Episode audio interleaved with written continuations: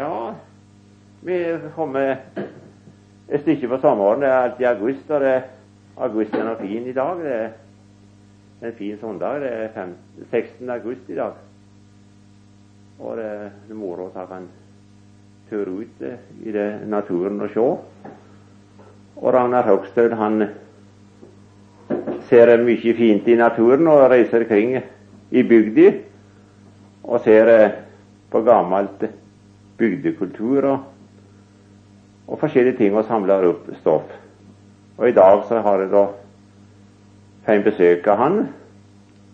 Han kom opp til meg, og, og han ville gjerne at jeg fortalte litt om det som jeg kunne fortelle om, da, det gamle som er samla her på Tveiten. Og jeg videre kan jeg prøve så godt jeg kan da, å fortelle om forskjellige ting. Garden den er temmelig gammel. Han er nevnt i Seljordsoga ifra Ja, i Seljordsoga der står det at det var en mann på Tveiten. Han betaler skatt i 1602. Han heter Jon, står det i Seljordsoga. Men han er atskillig gamle, for det er funnet gjenstander før i den tid. her og, og det var en veldig gammel boplass. Og likeens så så er nå det at eh, folk krabba opp i bakkene, ville helst, og, og huset det bygde de da øst i eh, Så hevdedraget det ble på nedsida av huset innover. Og de ville ha utsyn. Det var veldig eh, mye verdt i den tid. Hadde noe å si om at de følte seg tryggere òg? Ja, de følte seg for uvedkommende. Da, da kan man si at de var noe veldig skjebniske for fremmedfolk som kom. Og da måtte de ha alltid ha god utsyn. Og stua og buret det skulle være slik at buret der lå rett ivi fra fra stueglasset skulle du stande der og se rett ivi til buret. inntil inngangsdøren til buret. Det måtte være som Det var et veldig godt kjennetegn alle steder. Og derfor ser en at buret der ligger som regel rett framfor hovedinngangen til til, til, til gamle bygningene. og Det er det som de bygde frem til. Nå Senere tid så har det vært litt forandringer med det, men det var det slik før. Og likeens så tjener penger det slik at han Ja, med huset det de bygde, og, og det var noe smiord de måtte ha, vet du. Det var på gårdene før det var den første betingelse for alt skulle gjøres sjølve. Og badstua, det var noe til å tørke kunne først og fremst. Også det, ja, de bruker det som badstue som de bader og, og, og lauger seg der borte. ja. Og det er jo her det fins badstuer som står dag i dag. Det er det. Og så har de da elhus som de bodde om sommeren, vet du. Det var så enkelt. Jeg bodde i Stand boden i hovedbygningen, for det var lettere. Du måtte fyre med ved, vet du. Og, og da var det enkelt å ha sikkert et uvant hus å bo i. Det var det. Og likeens så så fant de nå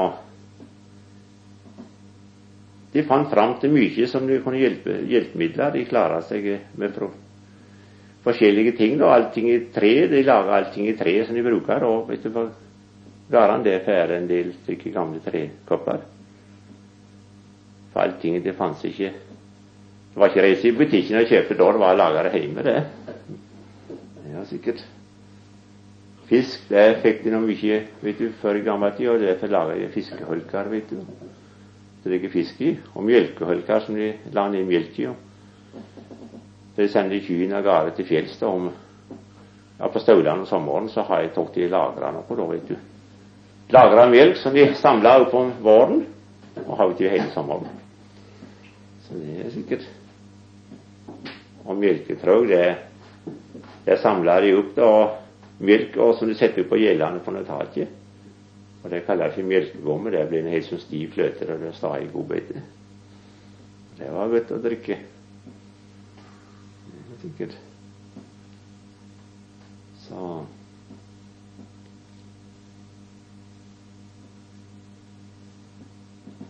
Og gården her han, Bestefar den, han kjøpte denne gården her i 1889. Og det bor han ser han. Og han, eh, han var født i 1850 og døde i 1942. Han var skiløper. Var med husbrenn i noen venner. Sikkert. Så var han veldig interessert i det. Alt det kulturelle arbeidet, gamle bygdekultur og slikt noe. Han får mye rundt.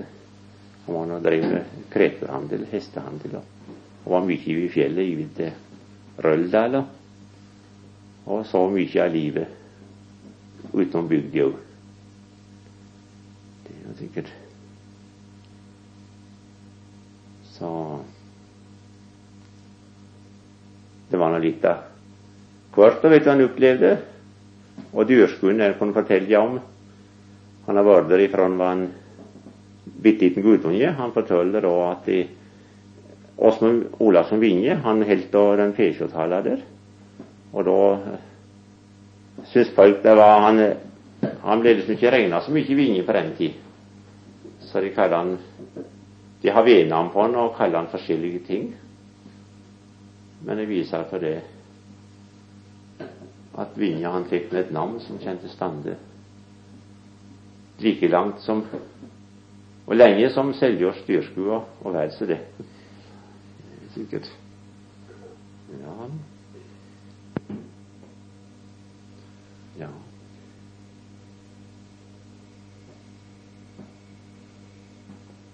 Jeg har samla Jeg er ikke jeg som er samlere, men det var bestefar og faren min, Jørgen Tveiten. Samla en god del gamle ting da, som jeg syns er moro å ta vare på. Som jeg har hørt i slekt gjennom alle tider. Og da eh, vil jeg først nevne på den gamle bjønnebørsa som tipptippoldefaren min, Tarkil Haraldsson Dalen, hadde. Og han var ute i krigen i 1807-14 og heder da feltplass på ham som bandolære og forskjellige ting som han har laga.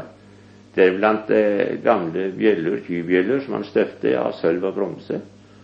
Og han har laga en god del av eh, slik kru- og haglepunger og kule bjørne eh, slike kuleformer som han bruker han skjøt bjørner med. De hegner etter kuleformer.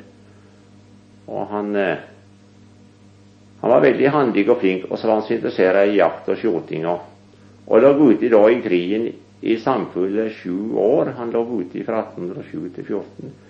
Og på det året da var han bare hjemme i åtte dager.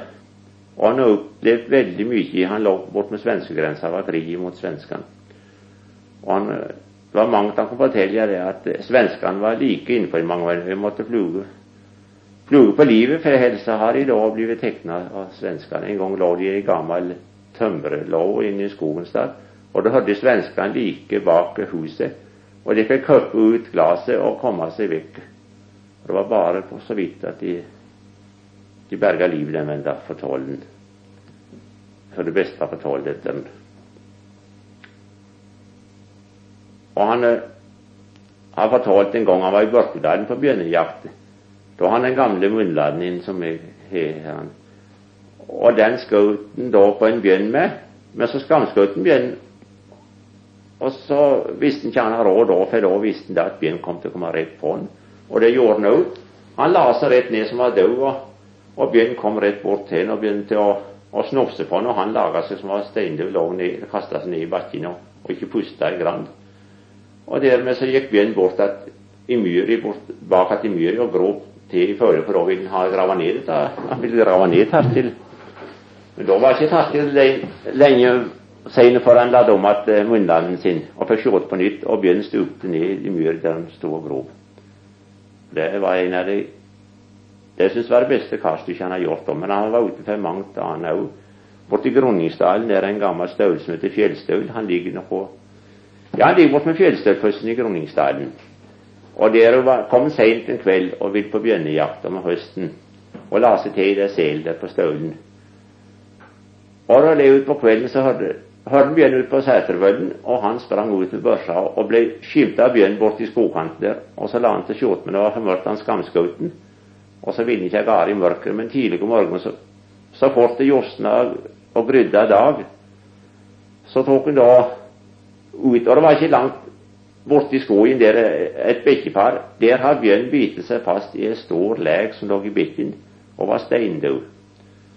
Så den den har da skutt med det ene skuddet.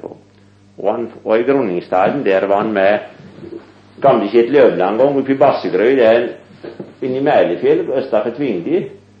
Og der Bassegrøy der blir navnet det at det var så mye bjørn der. For de vil, de vil ikke si bjørn, de sa Basse, for da Ja, bare for ikke De har som den tro at hvis de sa bjørn, da blir, blir bjørn så ferdig med dem. Og, og tok og hevna seg. Og derfor heter det, kaller det for Bassegrøy.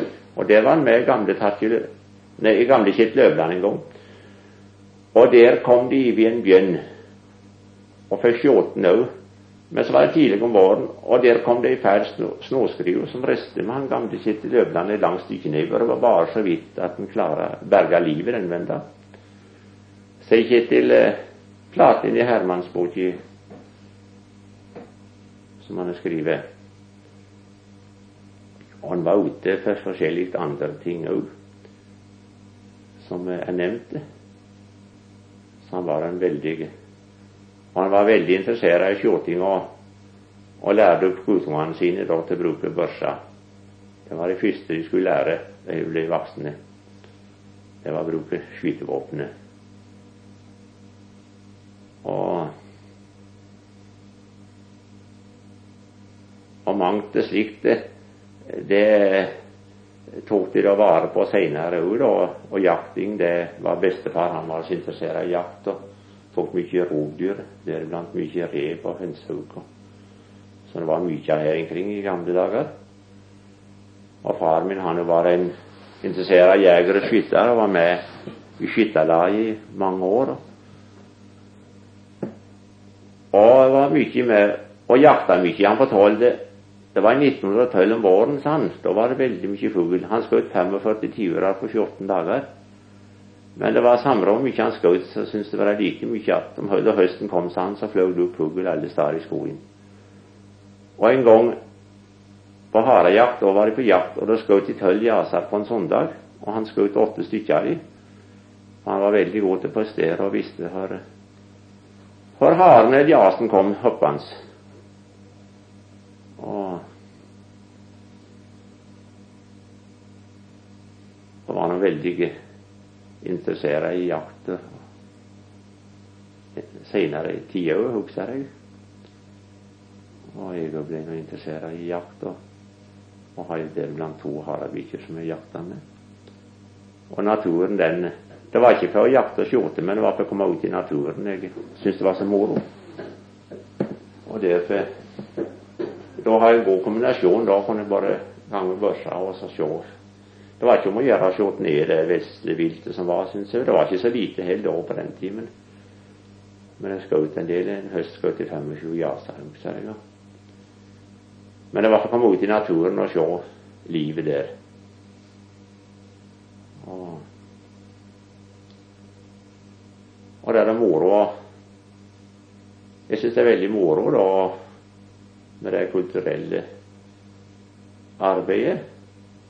Derfor syns jeg det er moro å arbeide litt på ungdomslaget Seljord. Jeg er med og hjelpe der. Jeg er med i styret nå. Jeg var og Seljordspillet jeg var med i. For jeg, jeg syns det er veldig moro dette her, at de tar vare på dette gamle. Og, det, og da syns jeg at han får gjøre det litt for det. Og jeg mener det at folk skulle tatt mye mer vare på den gamle kulturen enn de gjør. Men mange er flinke, og mange er ikke flinke. Men eh, det er sannelig ikke bygd som Seljord syns jeg ikke kunne ha et bygdetun. Det har vært veldig Du ser andre bygder, de, de har bygdetun, men Seljord har det ikke ennå. Så der står de da tilbake fra de andre bygdene så det må være et mener jeg må være et tiltak som bygda burde ta seg av i framtida. At de får et fint bygdetun.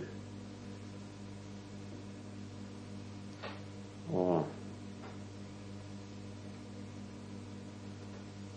Så det tror jeg vil gjøre sitt turistmessig og allting her. Og plassen den kunne de sikkert finne. Det er forskjellige plasser som kunne merke seg ut. Men Klokkastemoen den hadde vært ideell plass. Så det var det var veldig trasig må man at den ikke ble benytta som bygdetun. Men, men, det er ikke noe å gjøre med det nå. Sikkert.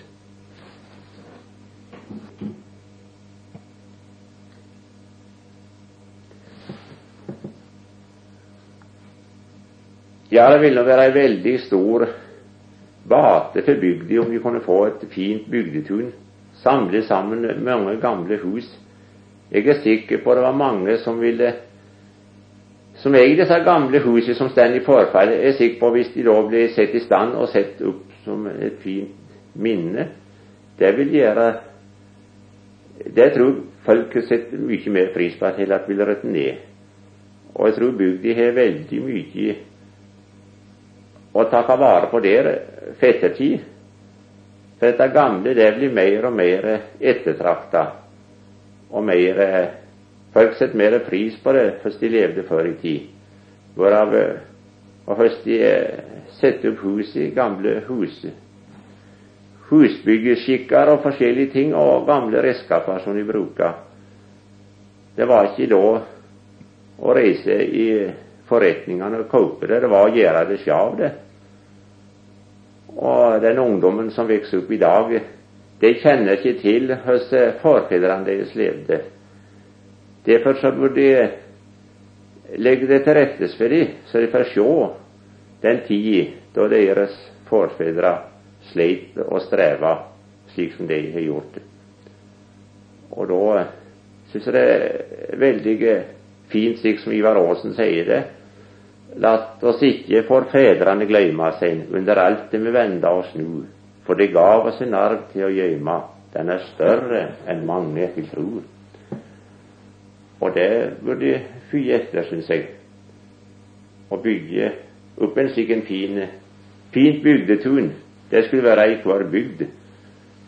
Så det blir et minne for de som kommer etterpå.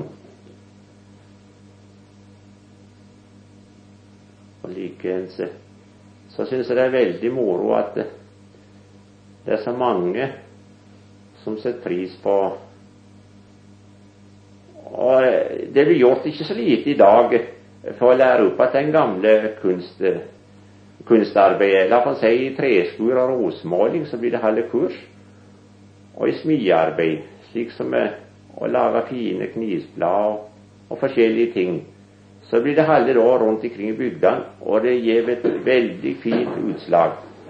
Det er veldig mange som er godt håndlag, og de får lære seg opp til det. Det yrket som de da syns er moro å begynne med.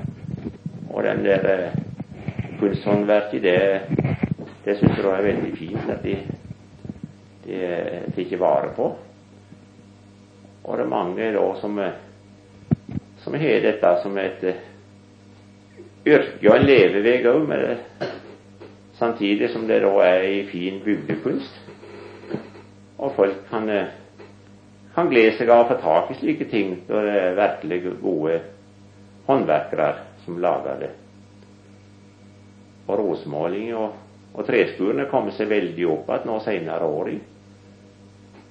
Det har de gjort. Likens eh, så er det La meg si med folkemusikken og visekveing, òg. Det er jo kommet seg veldig godt opp i senere årene.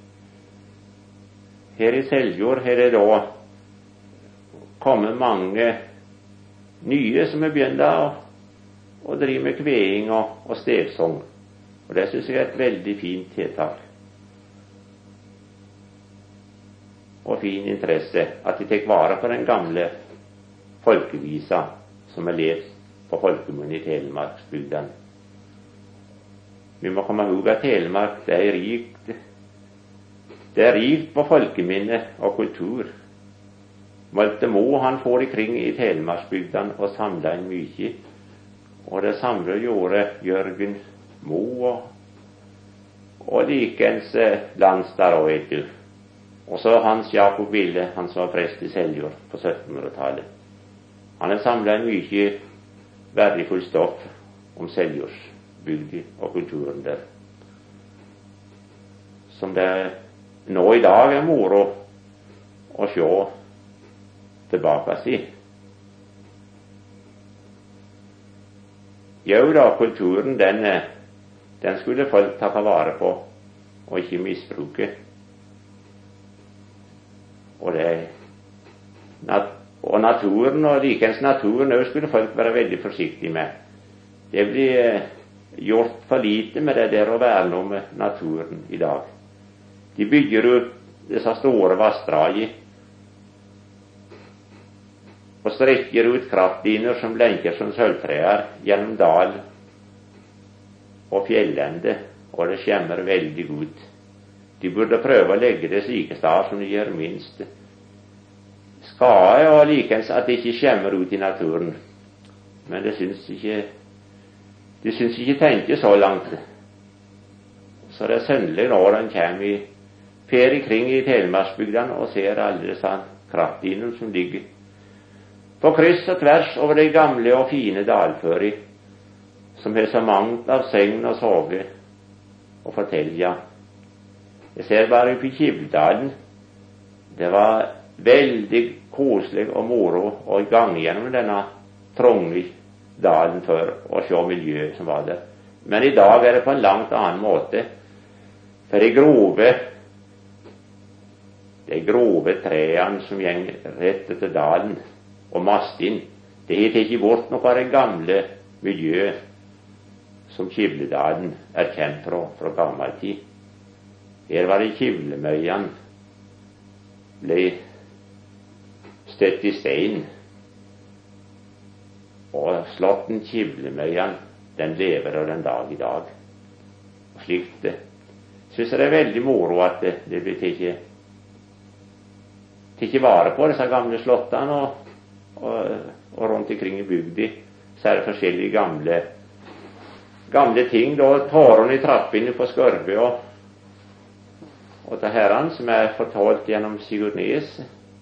Han har skrevet det, og slåtten den tatt til høyre og har nå spela slåtten og kombinert den.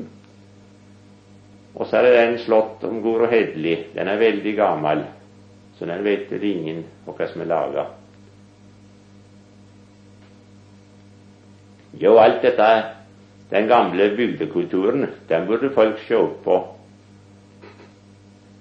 og ta i hevd at så det kan bløme slik som telemarksbygdene har gjort det fra alle tider. Jo den gamle bygdekulturen den var på forskjellige måter og interessante. Og det var mange som var flinke i sitt fag. De var så gode til å lage trekopper og, og gjøre forskjellige ting ut av tre. Det var allting så De måtte gjøre det sjave, alt sammen. Og, og de var veldig flinke. Du ser det er mye av de gamle trekoppene de er veldig godt laga. For de har så god en ja, så god en smak og håndlag med det de drev med før i tid. Og Det var merkelig òg hvis de kunne få det til. De sier at da ser den redskapen de har Ja, ja, det var noen gode redskaper. De har det etter seg. Det var det, for det var godt eiestål de har, og, og alt slikt var Etter seg så var det veldig godt, man ser, den redskapen de bruker. Men det var ikke å bruke elektrisk drill da, som de gjør i dag, og, og bører og, og former ut, som de finner ettersom de finner for godt å, gjøre det. Så det blir stor det er stor forskjell når en tenker tilbake, alt sammen. Og likeens som man